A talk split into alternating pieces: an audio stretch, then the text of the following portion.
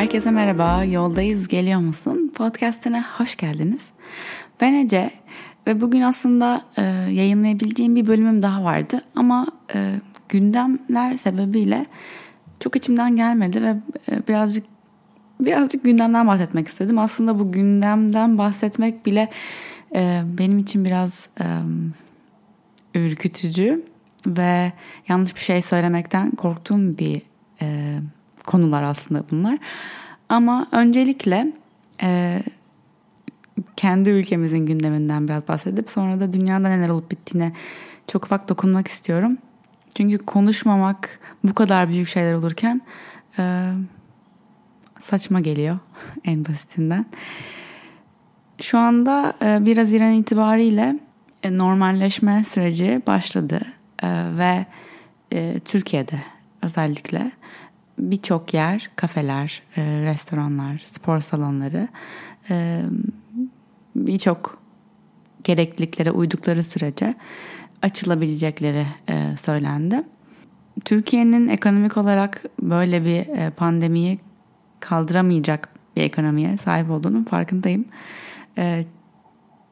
Milletimizin bundan birçok e, Avrupa özellikle Avrupa'ya göre çok daha fazla etkilendiğinin farkındayım.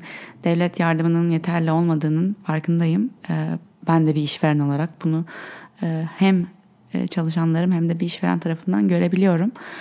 Ve bunların hepsini anlayabildiğimi hani bilmenizi de istiyorum. Ama bir yandan da şu anda mesela biz Flow'u e, açabilir. Flow Biyoga ve Meditasyon Stüdyosu açabilir haldeyiz. Yani sınıfa evet eskisi kadar insan almayarak ve birçok e, işte e, dezenfektan, maske vesaire bunları kullanarak rezervasyon sistemi zaten öyle çalışıyorduk. E, açabiliriz. Fakat bir, bir gün önce e, karantinada yani sokağa çıkma yasağı varken ertesi gün hadi şimdi yoga dersine gidiyoruz demek bana normal gelmedi. O yüzden e, ben açmamaya karar verdim. Biz açmamaya karar verdik. Bu bizim için e, çok karlı bir şey mi? Hayır. E, biz etkilenmiyor muyuz? Tabii ki etkileniyoruz. Ama e, açıkçası ben yeterince bilgilendirme yapılmadığını, işin ciddiyetinin fark edilmediğini, dolayısıyla çok hızlı bir normalleşme sürecinin, evet yönetmelikler yayınlanıyor ama bunları gerçekten okuyorlar mı, gerçekten uyguluyorlar mı bilmiyorum.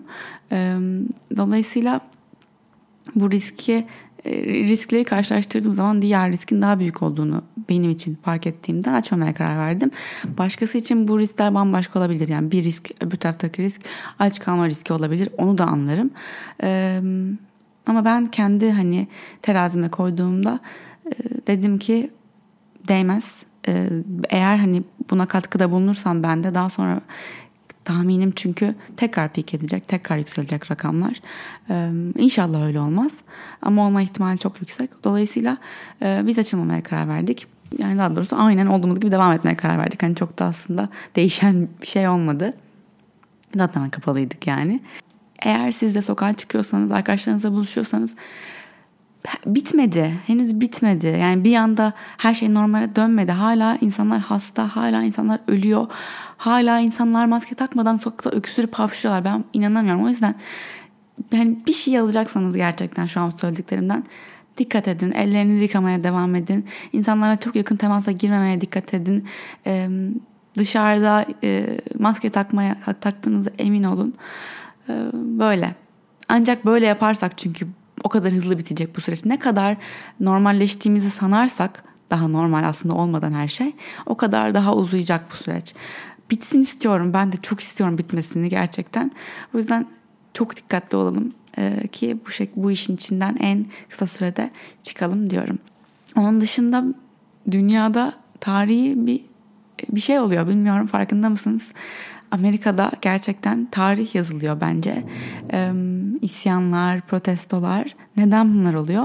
Ee, aslında hani hiç bilmeyenler için çok kısa bir söylemek istiyorum. Haber spikeri değilim ama birkaç hafta önce belki birkaç hafta bile değil bir iki hafta önce e, bir kadının Twitter'da gördüm ben de bu videoyu. Köpeğini gezdiriyor kadın. İşte bir siyahi bir adam da ona köpeğin tasma takmasını söylüyor. Kadın da polisi arıyor. İşte polisi arayacağım sana gününü göstereceğim bana ne yapacağımı söyleyemezsin. gibi. Bu büyük bir olay oldu. Bu hani niye bu kadar büyük olay diyebilirsiniz. Tabii bu e, renklerinden dolayı birinin siyahi birinin beyaz olmasından dolayı çok büyük patlama yarattı. Çünkü bu e, özellikle siyahilerin çok sık yaşadıkları bir şeyi içlerinde böyle yaralarına tuz bastı. E, ve beyazların da aslında çok net bir şekilde yani o kadar net ki çünkü kadın resmen şunu düşünüyor. Aslında adam hiç yanlış bir şey yapmadı. Polis arınacak bir şey yapmadı. Hatta kadının yanlış yaptığı bir şeyi çok kibar bir dille uyararak e, köpeğin tatlı takmasını söyledi. Ama kadının bildiği şey şu. Ben eğer polisi ararsam ben beyaz o siyah olduğu için ben haklı bulunacağım. Ve bu o kadar kısa ve net açıklıyor ki aslında bu eşitsizliği. Bu çok büyük olay oldu. Bunun ardından artık diğer videoyu gördünüz diye düşünüyorum. Ee, George Floyd e, birincinin adı Amy Cooper'dan hani eğer internetten araştırmak isterseniz Amy Cooper köpekli olan George Floyd da e, biz polis tarafından boynuna dizle basılarak e, öldürülen bir siyahi ve video izlediğimde yani içinizin parçalanmaması imkansız. Nasıl olabilir böyle bir şiddet? Nasıl olabilir böyle bir vicdansızlık? Ee, adam hiçbir şey yapmıyor, hiçbir karşı koymuyor ve e, onu yol kenarında çeviren polis boynuna dizini koyarak, boğarak öldürüyor. Bunlardan sonra Amerika'da çok büyük bir e, isyan başladı. Çok haklı bir insan isyan başladı. E, ve bence tarihi bir şey yaşıyoruz. O yüzden hani şunu düşünüyorum. Takip ettiğim size takip ediyorsunuzdur. Bir sürü yabancı hesap var Instagram'da, Twitter'da ve herkesin tek konuştuğu şey bu. Türkiye'de aynı şey değil. Türkiye'de çok çok fazla evet bu bu oldu böyle böyle haber aldık diye konuşuldu ama e, çok fazla konuşulmuyor. Çünkü e, bizim ülkemizde çok fazla siyahi o şekilde bir ırkçılık problemi olmadığı için anlayamıyoruz ya da işte empati kurmamız daha zor oluyor. E, ama hani Evet e, tabii ki hani yardım edebiliyorsanız, bağış yapabiliyorsanız bir sürü yabancı insanlar paylaşıyorlar bunları ama ben açıkçası kendi adıma e, beni nasıl uyandırıyor bu süreç ondan bahsetmek istiyorum. E, tabii ki şu anda ekonomik olarak ben dürüst olacağım. Bağış yapmadım hiçbir e, organizasyona. Çünkü şu anda benim hem ekonomik durum olarak hem de ekonomik olarak yardım edeceğim öncelikli insanlar onlar değil kendi ülkemdeki e, durum da çok vahim. O yüzden burada yardım edebildiklerimi etmeyi tercih ediyorum. Ama e, kendi şu şekilde yardım edebilirim ve şu şekilde sistemin tasarlanan bu sistemin değişmesine e, katkıda bulunabilirim diye düşünüyorum. Kendime eğitebilirim. Ve burada ilk söyleyen ben olayım bunu.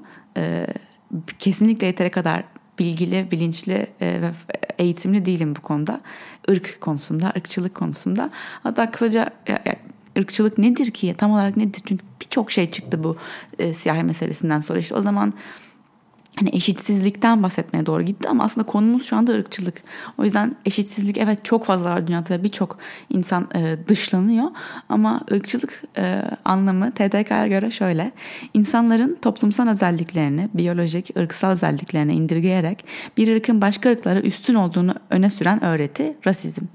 Yani diyor ki senin biyolojik yani ne senin yaptığın herhangi bir şey, ne senin annenin, ne senin dedenin, ne senin atalarının hiçbir e, emeğin, hiçbir yaptığın şeyle ilgisi alakası olmadan sadece biyolojik bir özelliğin sebebi ve sayesinde kendini bir başkasından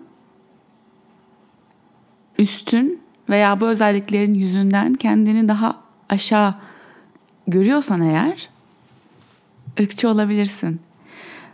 Ve e, şunu fark ettim ben. Bunun siyah beyazla ilgisi yok aslında. Bu ırkçılık hani hep diyorum ya benim içimde iyi bir insan da var, kötü bir insan da var, öfkeli biri de var, kıskanç biri de var, şefkatli biri de var. İçimde bunların hepsi var. Bir kalıba girmem mümkün değil. Önemli olan bunların hepsini fark edebilmem ve hangisine hangisini beslemeyi seçtiğim. Burada da yine ilk söyleyen ben olayım. Benim içimde ırkçı biri de var. Kesin var. Şu an adını koyamıyorum çünkü ben ilk ki ya benim siyahlarla bir problemim yok ki diyebiliyorum. Çünkü benim için çok uzak bir konsept belki. Özellikle bunu Türkçe konuştuğum için Türkler için konuşuyorum aslında. Ve Türkiye'de aslında konuşması çok zor bir konu. Ee, bu, bunu konuşacak e, beceriye e, ve bilgiye sahip de değilim ama şu konuda uyandırabilirim eğer becerebilirsem sizi belki. Hepimizin içinde biraz ırkçılık var. Ve şunu fark edebiliriz. Biz hangi ırklardan kendimizi üstün veya alçak görüyoruz? Kendi toplumumuzda kimi aşağılıyoruz? Kimin haklarını saymıyoruz? Belki bu soruları sorabiliriz kendimize. Çünkü ayrıcalıklıyız. Eğer özellikle beyaz bir Türksen, beyazsan dünyada genel olarak yani şu an ben Amerika'ya gittiğimde beyaz kategorisine giriyorum muhtemelen. Ee, konuşmadığım sürece ya da işte kimliğime bakılmadığı sürece beyaz bir Amerikalı sanılabilirim. Üstünüm, ayrıcalıklıyım. Bu kesin. Türkiye'de de böyle. Bir yere girdiğimde tipime bakarak hemen üstün olarak yargılanabilirim. Çok muhtemel. İnsan hemen şeye giriyor. Ayrıcalıklısın dediğin zaman ayrıcalıklıyım ama ben çok çalıştım. Ben şu konuda zorlandım. Benim hayatımda şöyle şeyler vardı. Evet vardı ve ayrıcalıklısın derken birine senin hayatında hiçbir zorluk yaşamadın demek istemiyoruz aslında. Demek istemiyorlar. Tabii ki senin hayatının bir hikayesi var ve tabii ki sen de zorlandın. Tabii ki sen de düştün. Tabii ki sen de kalktın. Tabii ki sen de tekmelendin. Eminim buna. Ama bunun ırk tarafına baktığımızda yani doğuştan e, bir ayrıcalıkla doğmak başka bir şey. O başka bir şey. Çünkü bir konuyu tamamen elemiş doğuyorsun. Bir sıfır önde başlıyorsun. Ve bu şu anda konumuz ırk olduğu için bundan bahsediyorum. Evet başka bir birçok konuda hayata önde başlamak diye bir şey var. Kesinlikle bir sıfır önde başlamak diye bir şey var ama konumuz ırk olduğunda onu geri çevirmek, onu kendine bir avantaja çevirmek çok daha zor. Çok daha zor. Başka birçok konudan. Dolayısıyla burada ben ilk söyleyeyim ee, ve size de belki hani e, eğer bir etkileyiciysem burada konuşan olarak ve beni dinleyen bir kitle e, oluştuysa yapabileceğimiz şey şu. Ben kendimi nasıl eğitebilirim? Çok korkutucu şeyler de oluyor. Eminim videoları görebilirsiniz Instagram'da, YouTube'da, haberlerde. Ee, ama yargılama, yargılayamayız. Yani adamların, insanların yüzyıllardır yaşadığı bir şey artık hani buralıma kadar geldi ve hani işte yok mağazaları e, ne deniyor yağmalamayın, e, olay çıkarmayın, sakin protesto yapın falan sakin olamıyorlar yani ve çok haklı bir şekilde sakin olamıyorlar. Ee, dolayısıyla biz bunu anlayamıyorsak eğer abartmasınlar diyorsak eğer kendimizi eğitmemiz lazım. Ee, dolayısıyla ben bu podcast'in altına e, bununla ilgili birkaç e, bulduğum kaynak kitap ekleyeceğim. E, çoğunluğu İngilizce. Türkçe bulursanız bana yazın paylaşırım. Instagram'dan veya Twitter'dan yazabilirsiniz bana. Daha önce sanırım Instagram'dan da paylaştığım bir, bir cümle var. Onun bir söylemek istiyorum. Ee, gerçekten dediğim gibi cahilim bu konuda. Ee, ama bilmemek değil, öğrenmemek ayıptır. O yüzden eğer birilerini kendi hayatımda kendi kafa karışıklığım ve cahilliğim nedeniyle bilerek veya istemeden kırdıysam affola.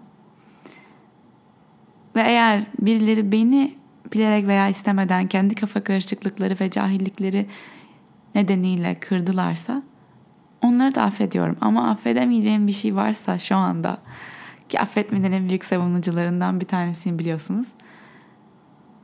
Görmezden gelmek. Yokmuş gibi davranmak. Irkçı değilmişiz gibi davranmak. Çünkü hepimizin içinde biraz ırkçılık var sizi gerçekten o ırkçılığı görmeye, keşfetmeye, öğrenmeye ve gerçekten bir şeyleri değiştirmeye davet ediyorum. Beni tüm sosyal medya mecralarında Ece Target olarak bulabilirsiniz. Dinlediğiniz için çok teşekkürler. Bir sonraki bölüme kadar yoldayız. Geliyor musun?